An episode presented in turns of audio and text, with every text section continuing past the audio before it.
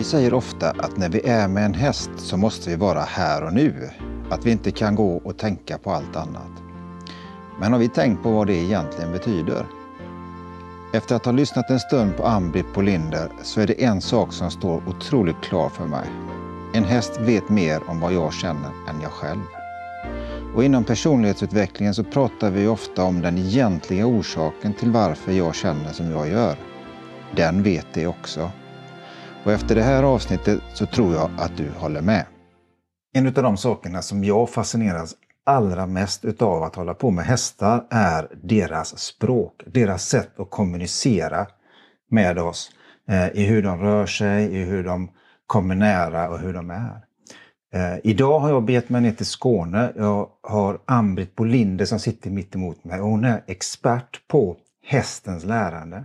Hon använder hästen i utbildningar för att se det ledarskap som vi använder gentemot varandra sen.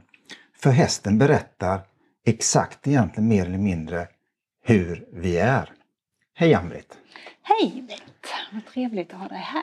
Ja, det är jättekul att vara här. Jag tycker det ska bli så spännande just med tanke på, för jag, jag är själv otroligt intresserad av det här med ledarskap mm. och med hästar eh, och hur de funkar. Mm. Eh, så vi sitter ju ute i en lokal som du använder för, för de här ledarskapsutbildningarna. Men du, du får gärna börja lite snabbt och berätta, hur, hur går det här till? Mm. Eh, jag kan ju säga då att FIL heter den metoden som vi jobbar med. Eh, och det startades i Kanada för eh, 11 år sedan utav ett gift par som heter Wendy och Andre. Och FIL står för på engelska Facilitated Equine Experiential Learning. Så det betyder alltså upplevelsebaserat lärande där hästen är vår lärare. Okej. Okay. Um, ehm, och FIL har funnits ett tag i Sverige genom Mia Holm då som nu är den som utbildar i Sverige. Men för fyra år sedan så fick vi frågan om vi ville bli eh, kursgård för skulle utbildningen komma till Sverige. Alltså utbildningen av, av sådana som mig då som är eh, practitioners som det kallas. Så då gick jag den första svängen utav det här som eh, startades i Sverige. Ehm, så vi jobbar ju det som skiljer, tycker jag, FIL från andra metoder, nu har väl i och för sig många andra ändrat sig, men det är att det är hjärtbaserat. Alltså vi, vi har hästen som lärare. Hästen är inget redskap och den är inget verktyg för att någonting ska hända. Utan den är vår lärare. Och jag tycker det är en stor skillnad alltså, som man känner på det ordet att, att i den här övningen så är hästen min lärare. Den är inget redskap för att någonting ska hända. På, på vad sätt alltså, läser du av hur hästen agerar ja. kontra hur personen är? Det är ju min uppgift i det här, så hästen är alltså läraren, inte jag. Okay. Utan jag finns ju där som en guide eller en tolk eller vad man nu vill kalla det eh, för att se vad hästen visar. Eh, så man är inne en, en person och en häst i de flesta övningarna, man kan göra grupper också. Men då, då ser jag hur hästen speglar den personen. Det kan vara att jag ser att hästen eh, visar frustration. Okay. Och eh, på ett eller annat sätt. Och då går man in, kan jag gå in? Jag kan, man, det är inte alltid man gör det, men det får man ju se på situationen. Men då kan jag gå in och fråga eh, om, om personen känner frustration. Och ofta är det ju så, ja Jo, men jag känner att det händer ingenting eller eh, ja, jag fattar inte vad jag ska göra eller någonting sånt där.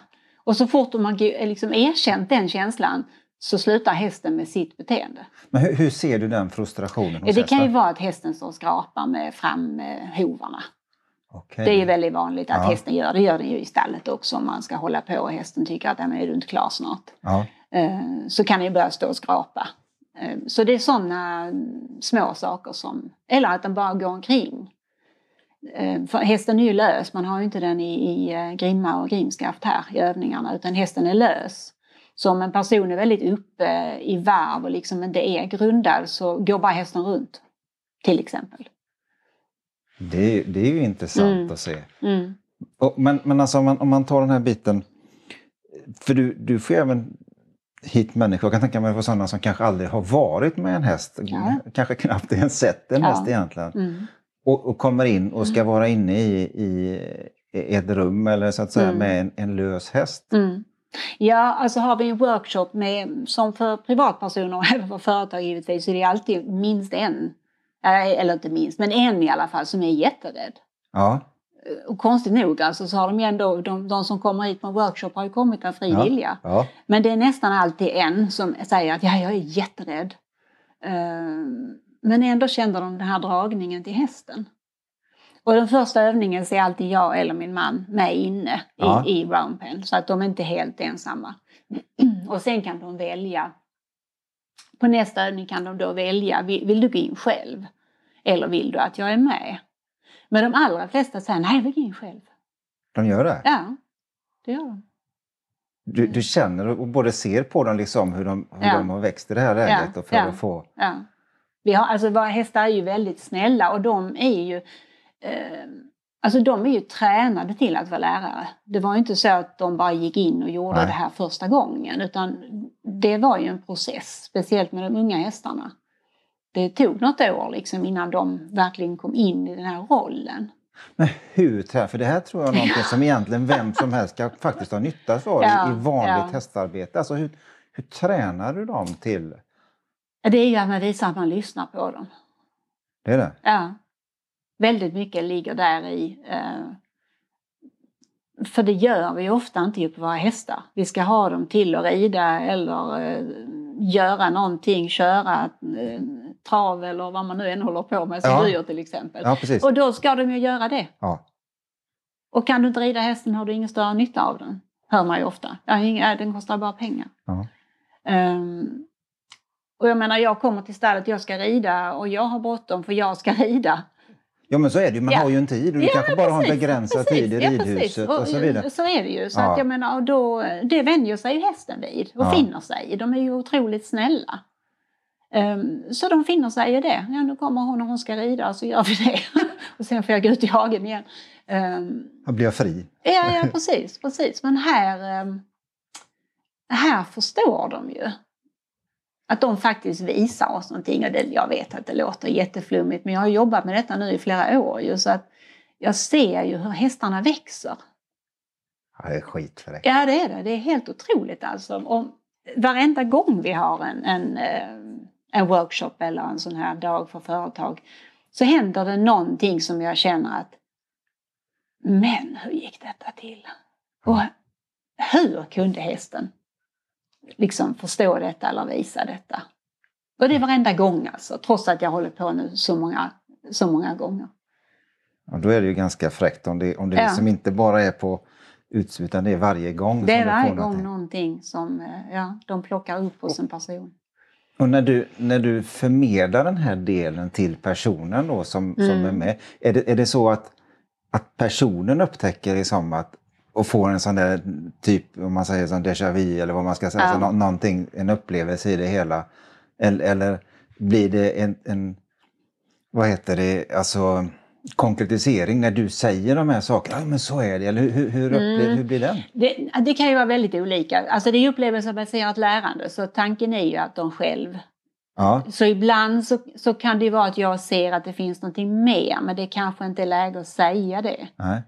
Det beror ju på hur, hur djupa saker man jobbar med och då får ju jag liksom känna efter eh, vad kan vi plocka fram idag. Ja, Så när jag jobbar med privatsessioner så har jag ju gärna minst fyra gånger. okej. Och då kan man ju gå djupare och djupare när, när personen liksom är redo för det. Men, men för det mesta så, så känner ju personen själv. Eh, Och det blir en sån här aha-upplevelse. Och sen eh, har man en workshop så är alla, även de som sitter så att säga i publiken, de är eh, med i övningarna. Så de ska delge vad de ser och vad de har känt. Aha. Så, och då kan det också, så det kan ju hända saker även med de som sitter utanför rampen och tittar. okej. De, de kan få en upplevelse. Ja, det är ju ganska, det är ju ganska maffigt Mm, faktiskt. mm. Men hur, hur kom du in, om vi liksom spolar tillbaka bandet nu till Mm. egentligen, när, hur gammal var du när du började med hästar? 35. Du har, alltså- du har alltså kört igång i vuxen ålder där? Ja, och livrädd. Okej. Ja, så det var därför jag började. Vår dotter började rida när hon var fem. Ja. Eh, och jag trodde att jag var hästtjej. Mm, Men jag var ju så rädd så jag höll ju på att dö när jag gick där i, i gången. så jag tänkte jag, men så här kan vi ju inte ha det. Ehm, och det var en kompis till oss som hade ridskolan. Så vi sa, och vi var fler mammor som var lika rädda. Så kan du inte starta en grupp för oss? Rädda mammors kurs. Rädda mammors kurs. ja. Så vi var fyra stycken som blev ledda Okej. ledda runt i, i, ehm, på den här volten, ridvolten då. Ehm, och sen ehm, så tyckte vi att gubbarna kunde också börja rida så vi startade en gubbgrupp. Men din man hade inte heller gjort Nej, hästar innan då, så nej. ni var liksom två noviser vid? Fullständigt. Och han var ju 41. Okej. så jag kom hem och sa till honom, du nu har vi startat en gubbgrupp också. Jaha, sa han. Spännande. Ja, och du är anmäld, sa jag. Okej. så det var de fyra pappor då också som började. Mm. Eh, och de hade ju liksom John Wayne så där som eh, förebild. Så jag tror det var typ tredje gången på den här ridlektionen. De hade aldrig suttit på en häst, någon av dem. Så hade de en ny ridlärare. Så sa hon, har ni galopperat? Ja, skrek alla. Varav en ramlade av och bröt ben och fot. Nej. De kunde ju inte rida Nej. någon av dem. Ja, men det var jättekul. Så eh, ja, sen köpte vi en häst efter ett år. Eh, Och sen blev det fler och fler hästar. Men, så det var, var bara början. I, I det här läget, köpte ni häst först till er eller till dottern? Först till oss. ja, först till oss. eh, Och efter fem år så fick hon också en ponny. Okej. Mm. Och, eh, Ja, så så blev det. Och, och liksom, det är egentligen liksom den här biten med vuxen ålder man går in och sen helt plötsligt så har man det här som ett levebröd. Ja. Då hade vi ju eh, halvblod och en New Forest ponny. Men sen... ehm, eh, vi hade väldigt speciellt halvblod och vi sa vi kan inte köpa ett, en till för vi kommer alltid att jämföra Ja. den hästen med honom. Ehm, och då ehm, hade jag kommit in på det här med spanska hästar. Jag red för Kristina Drangel och hon hade köpt en spansk hingst som jag blev helt, eh, jag blev helt tagen av den personligheten som den hästen hade. Vad, vad, är det något, jag är liksom helt novis på den delen. Vad, Ja, vad är det som är unikt med dem? Ja du. Alltså de lär sig på halva tiden av ett halvblod. Okej. De, de har en, en sån närvaro. Och så, de är ju väldigt sociala, så de är avlade på det. De är ju avlade till att eh, jobba och eh, jag menar, driva tjurar eller någonting sånt. Inte som tjurfäktarhästar enbart, utan även som arbetshästar i Spanien. Så de, är de var ju avlade på ett väldigt gott huvud. Okej. Till skillnad trygg- från trygga, väldigt lugn. trygga, ja. Ja. Och blir de rädda så far de rätt upp i luften och sen landar de bredvid den liksom. De springer inte iväg. Nej, Så piafferar de på stället. okej. Så att de är... Ja, det var väl det som... Ja, det är, det är något speciellt med dem. Det säger alla som har haft en PRE. De har någonting eh, extra. Och det, det är rasen PRE som är Ja, då? ja. Det är en väldigt gammal ras, alltså går tillbaka till 1400-talet. Så att linjer, alltså det är väldigt, väldigt gamla linjer. Okej. Ja, spännande. Jag, för jag förstår att ni började importera sådana sen. Ja, vi importerade vårt första sto för vad är det, 19 år sedan. Och då var hon nog det första bruna stoet som de släppte från Spanien. Okej. De släppte inte många ston överhuvudtaget. De Nej. höll väldigt hårt på sina ston, så- sålde hingstarna. Ja. Och hon var dräktig så eh, där började vår avelskarriär. Eh, så hon kom till Stockholm in, på sommaren där ja, och fick ett föl i november och det var typ 20 grader kallt i Stockholm. Så jag, då hade vi inte egen gård så jag for fram och tillbaka till stallet tre gånger om dagen och släppte ut den här lilla knodden i tio minuter. För så, och så hade jag sytt två olika tecken till honom. Han var ju så liten så det fanns ju inga tecken. Nej, nej, nej. Så fick han vara ute en tio minuter, en kvart när jag mockade och sen in med honom igen och sen hem några timmar och sen upp igen och släppte ut honom. Ja, det, är, det, är, det är engagemang. Alltså. Ja. ja, han var så fin. Eh, Behöll ni honom eller sålde ni? Eh, han flyttade med oss ner hit. Sen vi bodde i Stockholm då, så han flyttade med oss hem, hit eh, och vi hade honom väl i fem år. Sen sålde vi honom. Ja. Han fick en fantastisk ny ägare. Alltså han, han eh, blev tränad till maratonkörning och hon red eh, sån här working equitation. Och han, han fick ett suveränt liv hos henne. Det är perfekt. Mm.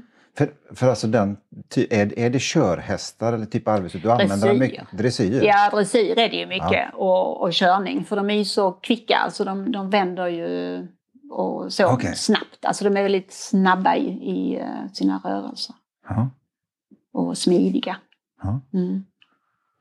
Och då flyttade ni sen ner till Skåne. Ja. 2002 flyttade vi ner hit. Och då hade, alltså, hur, hur långt ifrån, om man säger som det ni började med hästar, var det? För ni köpte den här gården Gustavsborg som vi Mm. sitter på nu då? Mm. Den köpte vi 2002. Ehm, och då hade vi ett sommarhus ute mot Höganäs till eh, som vi bodde i när vi renoverade här. Så vi höll på ett år här att renovera. Så då hade vi, ehm, vi tog med oss ponnyn och ett halvblod och vår spanska stod då. Ja. Och hon finns med oss fortfarande, hon är 22 nu. Hon är fortfarande kvar här? Jajamensan. Och du använder henne i kurser och sånt? Oh ja, hon är, hon är en av klipporna. Grand old lady. Ja, ja, ja. Jo, de här gamla damerna, de kan. Ja. Mm. Fantastiskt. Så hon är kvar. Och, eh, så när vi hade som mest hade vi 14 hästar. När vi höll på med uppfödning. Eh, och nu Men- har vi fem. Fjort- 14 fölston eller 14 hästar totalt? Om man Eh, säger. 14 hästar totalt, ja. Ja. Vi hade... ehm, Ja, det är ju några år sedan nu så jag kommer inte ihåg exakt vilken... Nej. Men vi hade, det var ston och det var föl. Och jag tror vi hade någon hingst också, men vi har inte använt i egen avel. Sen hade vi eh, de två som vi har som vallackar nu hade vi kvar som hingstar till de var sex och sju. Okej. Mm. Och vi har kvar två utav våra fölston och de andra är våra egna avkommor som vi har kvar nu i verksamheten. Så det är egentligen bara egna djur som du har kvar Ja. i verksamheten Ja. här nu då? Du har inte köpt in någon än så länge i alla fall? Nej. Nej. Blir det spansk häst om du ska köpa in någon framöver? Ja, jag kan inte tänka mig något annat. Nej. nej, nej. Det... Ja, nej, de, de har vunnit mitt hjärta. Mm. Ja, det ser man. Det är, Mm. ja, det, det är lite intressant det här just hur, vilka vägar som saker och ting tar Mm. egentligen. Mm. Mm. D- där, eh, där, där man kommer ifrån egentligen en helt, jag menar, du som då kom in som helt livrädd på den här Mm. biten. Mm. Och sen, 14 hästar. ja, precis. ja. Men det är klart, alltså, med tanke på det du håller på med nu med ledarskapet Mm. så har du den bästa förutsättningen för att alla de som då Mm. kommer hit, den här personen i Mm. respektive grupp Mm. som har en, en rädsla, ja men du vet ju. Vet precis. Ja, Mm. det är Mm. liksom in med det och kör. Ja, nej, nej. nej, så får man aldrig göra. Eh, nej, men jag vet ju precis hur de känner Ja, sig. Så precis. de behöver ju aldrig känna att de eh, är fåniga eller, Nej. för jag vet ju precis. Ja. Jag hade inte gått in i en round pen för eh, de åren sen alltså med en lös häst. Nej. Så jag, jag, nej, jag har full respekt för att eh, folk kan vara rädda. Ja men det är ju, det är ju, det är ju stora djur. Absolut. Med mycket muskler. Ja, ja. Så att, eh, det är klart att man ska ha Mm. respekt för Mm, dem. mm, Och att man behöver ha det. mm. Men, men om, om man kommer hit till dig, man, man kanske känner sig, man, man är den här personen som, som liksom har en, det är dags att komma ur den här Mm. eh, bubblan, alltså där man har haft en rädsla. Jag har ju själv liksom varit eh, anti-häst ganska mycket om man Mm. säger som så. Mm. Och och stod emot länge i familjen då. eh, men, men när man kommer hit till dig eh, och, och liksom, vad, vad, vad, vad händer egentligen? Vad, vad, vad gör ni? Ehm, ja, den allra första eh, övningen som vi gör om vi har en workshop, den heter Möta flocken. Ja, Och den gör vi i stallet så att alla hästarna står i sina boxar. Eh, och sen går man in, så det är en helt tyst övning. Bygger mycket på att man ska våga plocka fram sin intuition och, och ehm, våga känna. Så man får inte röra, man rör väldigt, väldigt lite vid hästarna överhuvudtaget i våra övningar. Okej. Så det är inte att man ska klappa några hästar. Går man in och gör den där möta flocken, man får inte prata med dem, man får inte röra dem. Hästen får lov att ta kontakt med dig men du får inte lov att klappa tillbaka. Det får du inte? Nej, inte i det här utan man, man behandlar dem som en människa. Kan man säga, alltså en relation. Men, men alltså om man nu tar det här, om, om den naturliga delen, om jag kommer till dig och sträcker fram min hand för att hälsa, Mm. så är den naturliga delen att man sätter fram och hälsar tillbaka. Ja. Och det, det kan jag ju tänka med, nu är jag visserligen van vid djur, men just den här Mm. biten att om en häst kommer och ställer sig in till så är den instinkten säger Mm. mig att nu vill jag klappa. Ja. Men det, det, är liksom, det är händerna i fickan mer eller mindre. Så. I princip ja, om inte hästen själv vill. Alltså när hästar hälsar på varandra så byter de ju andedräkt. Ja. Och det får du göra. Ja, Så det kan man göra på den här övningen och det är ju väldigt fin, eh, alltså om hästen vill göra det så är Ja. det ju väldigt fint. Eh, Men då byter du ju andedräkt, då står ni liksom och, och eh, nosar ja mm, på varandra. Då kan man ju nästan ha näsan på mulen på, på hästen ju. Ja. Men i alla andra övningar som vi gör så, så är det att du frågar hästen om du får lov att klappa den. Och när vi då har gjort ett antal övningar så har man ju lärt sig att läsa av. Och det många av våra hästar vill inte att du rör dem. De vill inte det? Nej. Och vissa älskar det. Och då vet vi att det är den övning som, som vi har där man eh, eh, alltså ska röra, att man, man ska stå och hålla på hästen kanske och följa andningen. Så vet vi vilka hästar man kan göra det med som älskar det. Ja, just det. Och då går man inte in till en häst som inte tycker om att man tar på den för då, då det pajar man ju hela övningen. Ja. Eh, nej, så det, det är alltså om man, när man börjar lyssna på hästen och verkligen lyssnar på den och tar till det den säger så är det inte så många hästar som tycker om att man tar på dem. Faktiskt. Alltså klia är en annan sak. ja. Så som de gör, att de står och kliar på varandra. Och det kan vi också göra, att man hittar den här sweet spot, alltså som är jättemysigt. eh, Och det är en annan grej. Eh, Men det här att klappa i huvudet som man alltid gör, det, det är de inte förtjusta i. Men de vänjer sig. Det är ju det med hästar, de vänjer sig. Det, ja men det är så hushåll och matte gör, ja men då står jag här. Ja, Det ska, det ska jag kolla från på min hemma. Gör det så ska du få se. ja. Vi har väldigt olika reaktioner på våra. Någon älskar dem, jag kan stå och bara dra liksom med fingrarna så här längs nosryggen på honom. Han bara älskar det, vi kan stå jättelänge. Eh, Men om klappa är han inte sådär jätteförtjust i. Eh, Och vi har en, eh, hon är inte kvar här längre, hon har faktiskt flyttat till Gotland. Men hon var en sån som man kunde släppa in vem som helst hos. För du Ja. kunde peta och pilla och ta överallt, hon bara älskade. Så det var liksom vår kelhäst. Ja. Eh, Men de äldre stona, de, nej, de tycker det är rätt onödigt. Faktiskt. Om de själv får välja. Och det får de här. Rätt onödigt. ja. Mm. Det tycker de. Ska vi göra någonting eller ska vi hålla på med något sånt här trams tycker de. Mm. Okej. Mm. Så mycket av de här eh, utbildningarna som du gör, då, de, de går ut egentligen på att, att människan, personen, är inne med hästen. Mm. Eh, och, och, och du läser av, liksom, och de även om liksom workshopen där läser av hur hästen agerar Mm. med den personen. Om den kommer eller om den är lugn, orolig eller något sånt där. Ja. Och sen är det ju mycket att våga lyssna inåt. Alltså våga lyssna på det som kommer upp. Så ibland kan det ju vara tio minuter där det inte ser ut att hända någonting. Personen står bara helt stilla, hästen står helt stilla. Och sen kommer personen ut och berättar att eh, de mest revolutionerande grejer har hänt. Okej. Men att sitta och titta på är det ungefär som måla färgkrockar. Alltså. Eh, Så där måste jag ju också vara lyhörd. Så jag inte då tycker att ja, men här händer det ingenting. Nej. Och så gå in och börja fråga en massa och störa alltihopa. Så att det, eh, det är ju det som, som min utbildning har gått ut på, att lära mig.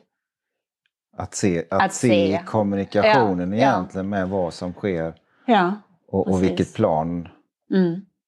Och försöka, alltså det, det blir ju att läsa av otroligt mycket även Ja. på människan i Ja, det läget. det. Mm.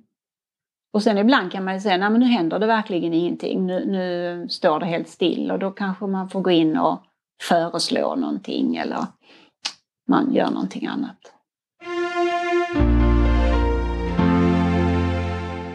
Vad, vad är, alltså har, har man olika mål med den här biten? Jag kan tänka mig att det skiljer en del för om ett företag kommer hit eller Mm. om man kommer som privatperson.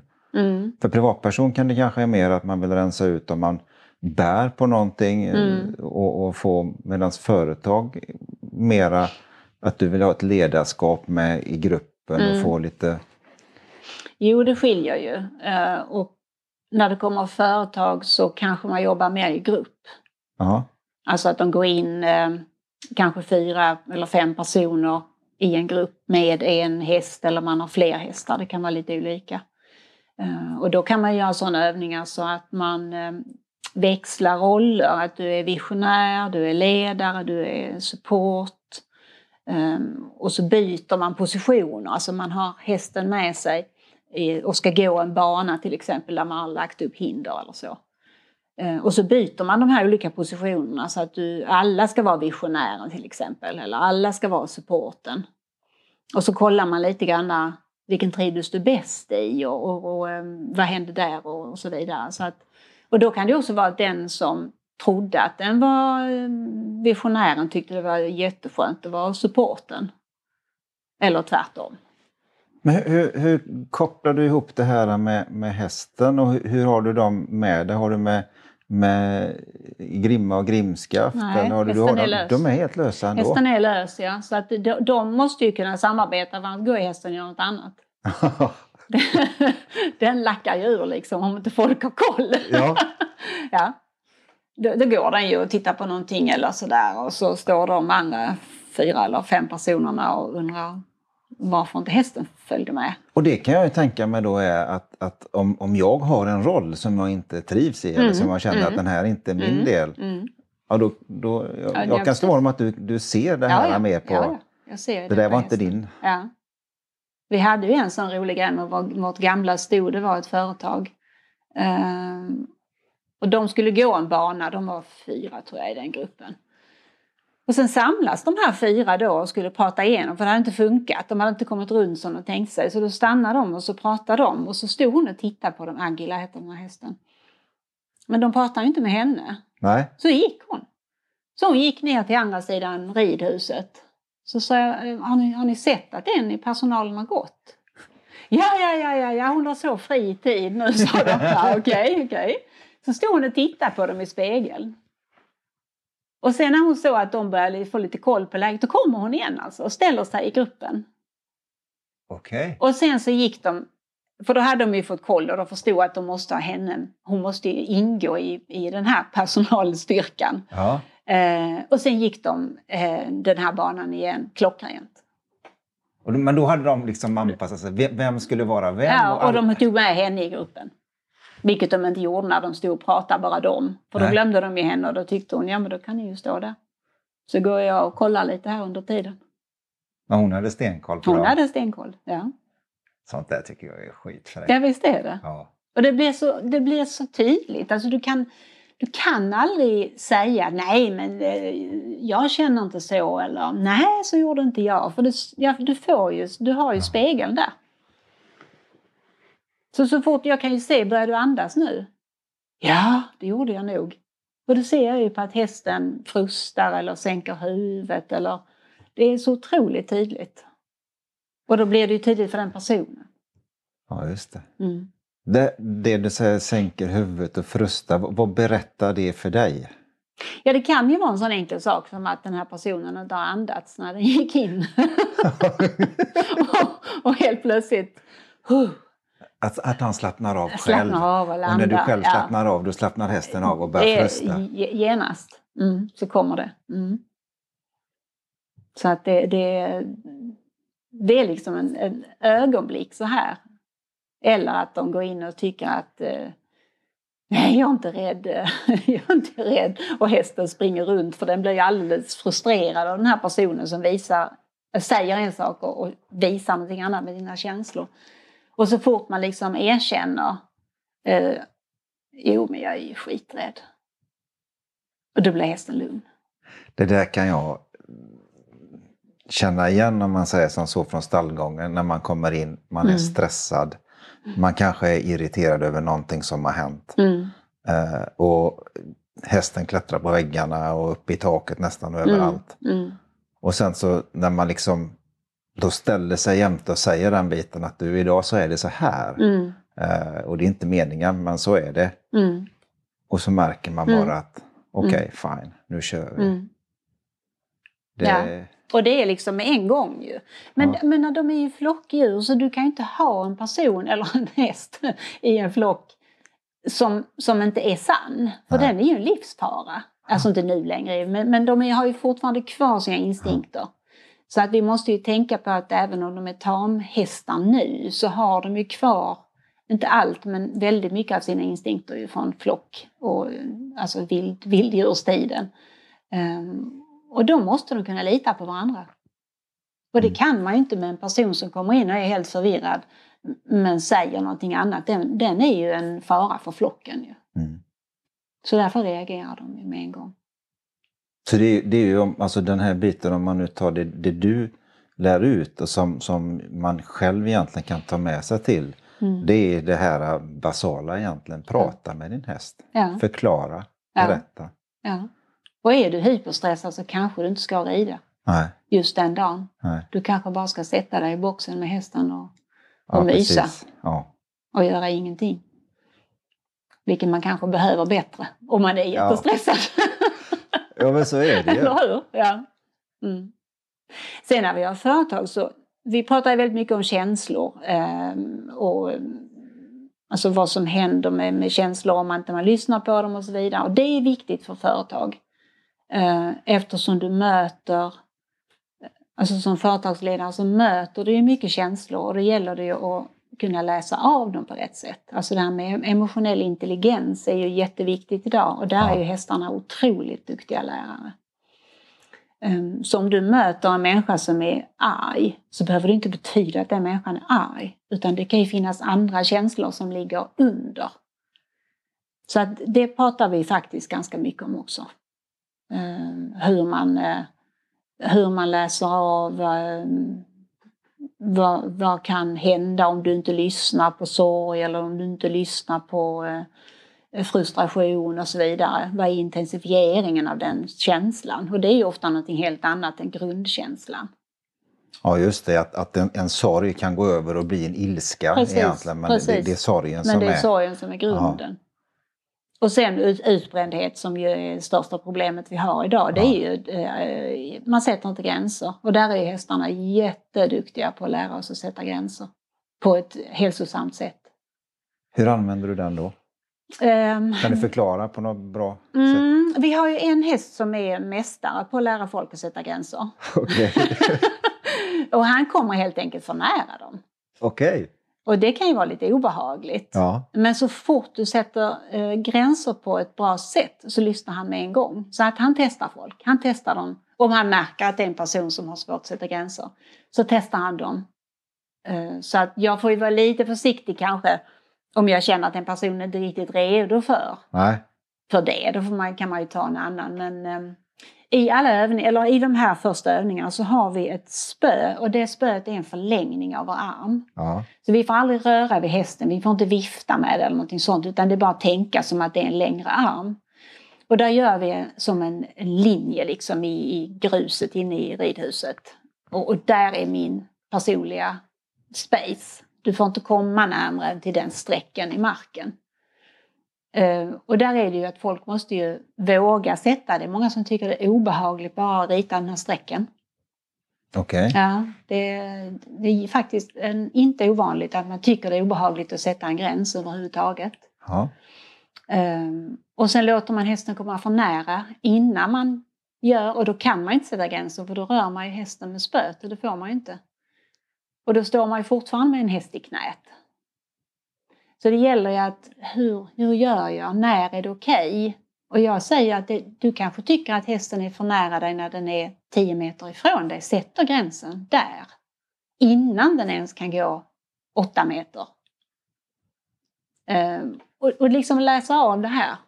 Vad är okej för mig? Och vissa har ju mycket, mycket större område de behöver för sin liksom, sinnesro. För andra är det okej kanske att hästen står intill dem och för andra är det 5, 6, 7, 8 meter för att det ska kännas okej. Och Det, här är, det här är någonting som då hästarna får lära sig, liksom, att, att den här linjen betyder att Det, det, det, blir, det är liksom helt klart för dem. det är det? Ja, för det är energi. Du sätter energi. Du gör den här med en, en uh, energi och det känner hästen. Så det är egentligen inte strecket. Nej. Utan det är ju den, din energi. Du visar att där, där är det stopp. Och det läser hästen även om den är 10 meter ifrån dig. Okay. Och så fort du har gjort det och menar det så tar hästen det direkt. Den blir inte ett dugg irriterad. Och det är det också folk får lära sig att ja men det betyder inte att folk tycker illa om mig för att jag säger att jag vill inte ha din kaffekopp på mitt skrivbord varje dag. Du får själv ta den. Alltså det betyder inte att Nej. du blir illa omtyckt utan tvärtom. Det är ju det som är vårt problem idag, att man tror att Nej, men jag, nej, men jag, måste, jag måste ju... Man vill vara alla till Man vill lags. vara alla till lag så det Precis. går inte. Det går inte, man orkar inte. Nej. Och sätter man gränsen innan man blir vansinnig, förr eller senare så går ju topplocket. Ja. Och då är man kanske inte jättetrevlig. Nej. Men har du sagt det liksom redan från början, nej jag kan inte jobba över. Nej, okej. Ofta händer ju ingenting mer än att nej, nej, okej. Då får du försöka hinna imorgon. Eh, Men om man aldrig säger det så till slut så blir man ju tokig. Ja. Då blir det ju snarare att eh, det förväntas. Ja, Att alla bara, ja. och det är ingen person som respekterar tyvärr Nej. de här jätte, jättesnälla. De får ju ofta minst respekt. Och det är Ja. det som är så sorgligt. Ja. För de gör ju allt för att vara andra till lags. Och förlorar själv på det. När du kommer in med en sån här person som du klart ser att det här är en icke-gränssättare Mm. och de får lärt sig det här och ser hur hästen... Mm. Vad, vad, vad, får du, vad brukar du få? Kan du säga att du får en generell reagens på det hela? Eller? Det brukar vara en otroligt skön känsla. När de ser att hästen blir lugn Ja. och inte upprörd. Så det brukar, alltså det kan bli ganska stora reaktioner från personerna ju, beroende på hur pass jobbigt de har tyckt att det var. Ja. Men de allra flesta blir ju väldigt lugna och känner att jaha, kan man göra så? Ja, precis. För det är okej. Många säger men jag, jag trodde han skulle bli jättearg då. Nej, så är det ingen fara. Så länge du gör det på ett respektfullt sätt. Och då har vi givetvis, vi har ju gjort lite övningar innan. Vi har såna här roliga övningar med pekar, du vet sånt här som man har när man letar efter vatten. Ja, precis. Ja, där kan man läsa energier. Ja. Eh, och vi gör mycket med alltså, ofrivilliga reaktioner, alltså läser av var är en persons personliga space. Och för många är det ju flera meter bort, alltså mycket högkänsliga personer idag. Ju. Och för andra är det okej att du nästan står en halv meter ifrån bara. Så bara där är det ju många aha-upplevelser. Många kanske inte ens vet om att de har ett personligt utrymme som är 3-4 meter istället för en och en halv. Det är väldigt många som inte har en aning om det. Nej. Och när de får veta det får de ju också... Då kan man ju förstå varför mår jag så dåligt ja, just det. i vissa situationer. Så att det, det, det, det är väldigt mycket aha-upplevelser. Ja, sånt, sånt är ju kul alltså. Det här där, där man verkligen upptäcker kanske en sida av sig själv som man inte Mm. visste om. Mm, Och bara känner, men vad fan, jag har inte gjort det här tidigare. Mm. För. mm. Ja, det är det. Ser du, när, kan du se på, på hästens reagens? Du sa det här att den blir lugn och sånt. Kan, kan, kan du se det som att den känner sig nöjd med att, att nu har jag liksom Mm, visat den här människan och Ja. liksom kommunikationen där, liksom att vi är på Mm. klart. oh ja. Alltså, jag, jag har ju sett, när min man gick sin utbildning, för han gick svängen efter mig, ehm, så var det jag som plockade ut och in hästarna. Jag var inte med alls på vad de gjorde. Så jag, hade ju inte, jag visste inte ens vilka hästar de hade använt. Okej. Ehm, och vi hade vår unga häst då, hon var väl bara fem, fem år någonting. Så skulle jag ta ut dem i hagen så tänkte jag, åh hon har gjort någonting idag, något fint. Hon var, du vet, hon var, oh, hon var en halv meter hög och hon var så stolt. Hela hon var, liksom det lyste om henne. Ja. Så sa jag sen till dem på kvällen, har ni haft Divina idag? Ja, hon var fantastisk, sa de. Åh, så berättade de hon hade gjort någonting. Ja, sa jag, det förstod jag. Så de är så nöjda, alltså hästarna. Så att det, ja. Så därför, de trivs ju med detta. Onekligen. Jo, det, alltså det, är ju, det är ju den biten, det är dit man vill komma egentligen med, med det, det strävar ju jag efter också Mm. om man säger som så Mm. i all min hästhantering. Mm, mm. Och, och det är väl lite det som jag tycker är så jädra kul att man då kan, för det ser man ju, Ja, ja. det ser ju Visst. hemma med, just Visst. det här lite hur, hur, hur nöjd hon är Ja, och ja. någonting som är bra och något som inte är bra. Ja. Så får man börja analysera den delen. Mm. Men det, Ja. Och det är det alla vill ju med Ja. sina hästar. Oavsett vad man, vad man gör med dem så vill man ju att det ska bli bra ju. ja. Mm. Ja, det är kul att höra också den här biten, alltså hur, hur de kan reagera på Mm. en person som de aldrig har träffat tidigare Ja. och så känna sig liksom att idag var det jag som var kung eller drottning Ja, i det här ja. läget. Jo, man ser. Och, alltså här är det också att hästarna får ju själv välja om de vill vara med. Så jag, jag går inte bara in och hämtar en häst och säger nu ska du göra det här. Utan jag går in och säger till Agila till exempel, kan du tänka dig att jobba med Bengt nu, vi ska göra den här övningen.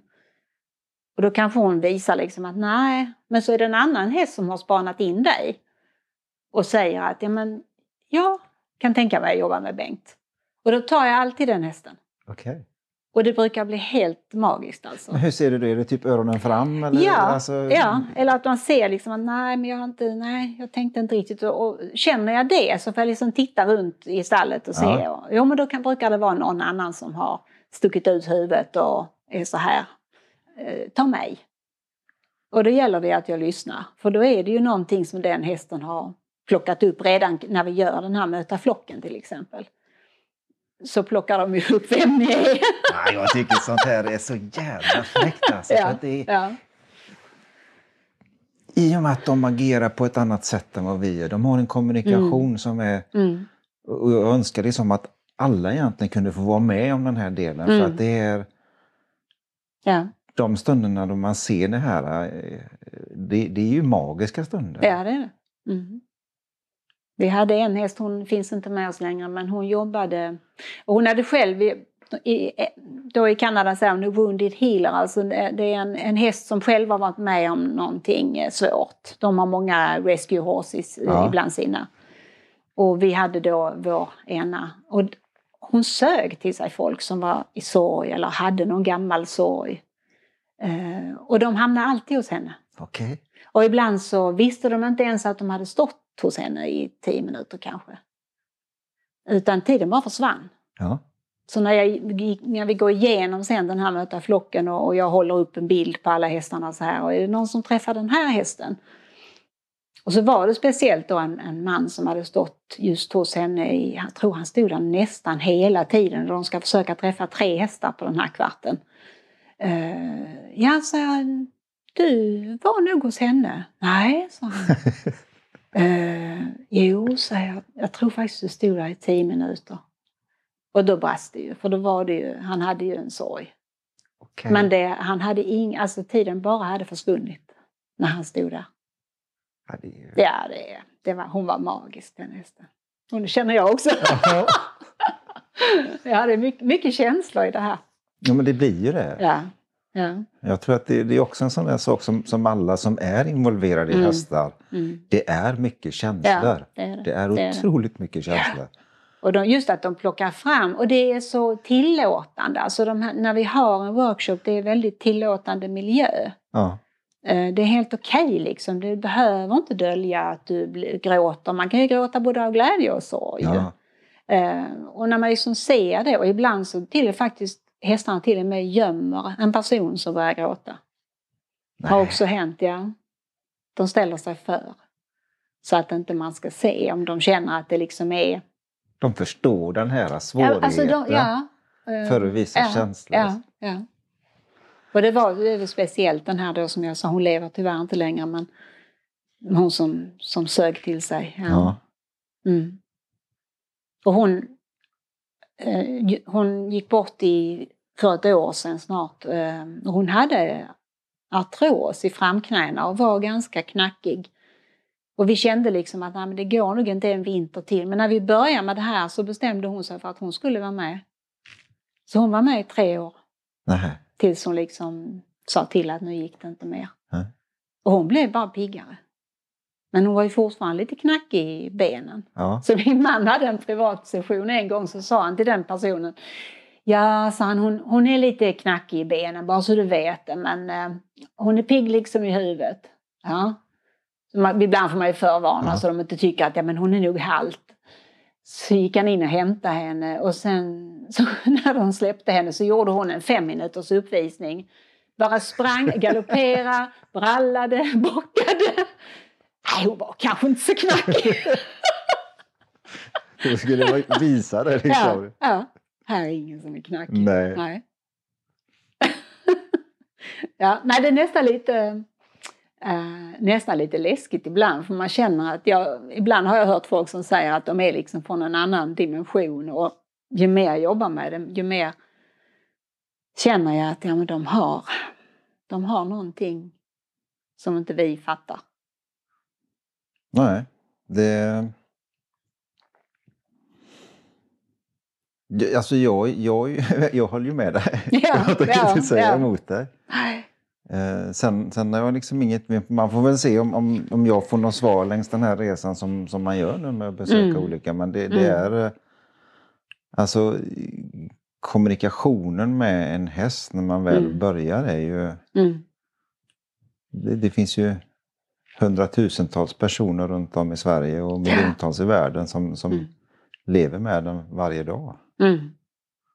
Och, och eh, det jag tycker är intressant är just den här delen, det som, som sa det här med fil och, och ledarskapsbiten. Och, menar det du har berättat här nu då, hur,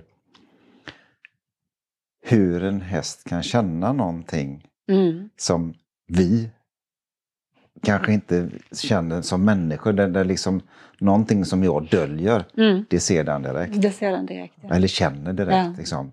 Gamla skador kan de känna och se. Kan gå fram liksom och sticka huvudet på ett knä eller någonting. Och så säger man, är det någonting med ditt knä? Ja, jag har en gammal skada där. Va? Ja. Ja. Det, alltså, en sån grej, liksom, vad, vad, vad, är det de vill berätta med den? Finns det någon, någonting i det läget då som är eh, någon trauma från den här skadan som behöver... Alltså, liksom, Kan, kan det ju vara. Ja. Och ibland kan jag ju själv känna lite spänd i axlarna. Och då är det någon som står... Jag, jag, jag gjorde någon video i stallet. Då var det ju en av mina hästar. Han stod och masserade, knep så här i mina axlar. Ganska försiktigt hela tiden. Och sen... Jo, så hade vi haft en klangmeditation här. Så jag gjorde en, en video framför honom dagen efter igen. Och då rörde han inte mig. Jag var ju helt avslappnad då ju. Så jag tänkte okej. ja. ja. Så de känner ju det. Ja. ja, de kan göra väldigt djupa saker. ja, det är... Jag tycker det är fantastiska djur och det är, lite, det är ju därför som man så att säga, jag vill, jag vill ta tillvara på de här grejerna som Mm. finns. Mm. Eh, och, eh, jag tycker det har varit ett jätteintressant samtal den här biten Mm. just med att få se lite vad, hur, hur kommunikationen eh, fungerar utifrån motsatt sida egentligen. Då. Mm. Eh, och jag, jag tror och hoppas, jag kan ta med mig jättemycket från det här i, i min kommunikation med, Mm. med våra hästar hemma. Och jag Mm. tror och hoppas att det finns många som kan liksom tänka kanske lite... Och att man... Bara just det här att, att man, trots att man är jädrigt stressad och man har en, en plan och ett mål och någonting man ska göra, att man kanske istället kan, när, när man själv inte är helt hundra, att man lyssnar då. Mm. Och så ta en stund bara med Mm. vara Mm. och, och få den kommunikationen Mm. så tror jag att nästa gång så kommer det att bli ännu bättre. Mm. Ja, och det här lugnet och, och ron som de kan ge oss, det är ju det vi behöver så otroligt mycket av idag ju. Mm. Och jag önskar ju att man mer i Sverige såg vilket arbete man kan göra med barn och ungdomar som eh, har det jobbigt. Det Mm. jobbar man ju mycket med i andra länder men tyvärr inte här. Nej. Eh, och det har man ju gjort i massor med år. Jobbat med anorexia, incest och så vidare. Alltså det har man ju haft jättefina resultat med men i Sverige gör man ju tyvärr inte det. Inte än. Nej, inte än. Här ska allting ha evidens och än så länge har man inte det på allting. Nej, Mm. men det är väl... eh, Det får vi se till att skaffa. Ja, jag tycker det också. Absolut. Ja, det, för det är som sagt, det finns ett stort behov. Det finns Ja. ett enormt behov Ja. av den här biten. Och, och, eh, det, det du har berättat här idag är, ger ju mycket evidens till alltså när man kommer ner och landar och man upptäcker Mm. hästarna liksom berättar saker Mm. som, som man kanske aldrig trodde skulle Mm. egentligen eh, få, alltså överhuvudtaget fundera på att de kan ta fram de här Nej, nej, det är ju det. Och det är ju just det som är så svårt med upplevelsebaserat lärande. Att det går inte bara att förklara det. Nej. Man måste göra det. Ja. Så det är ju när man har varit här och gjort någonting så förstår man ju. Men det, jag hoppas jag har kunnat ändå förklara lite men det är jättesvårt att bara förklara med ord för man måste uppleva det. Ja, men det, och det är ju den som är, det, det är ju verkligen ett, ett learning Mm. by doing. Mm. Mm. Men jag tycker, jag, jag tycker det har varit ett, ett väldigt bra samtal just den här Mm. biten och jag tror att många kommer att kunna se på eh, lite annat sätt kanske i det här läget. Hoppas det. Jag är jättetacksam för att Mm. jag fick komma hit. Tack så mycket att du ville lyssna.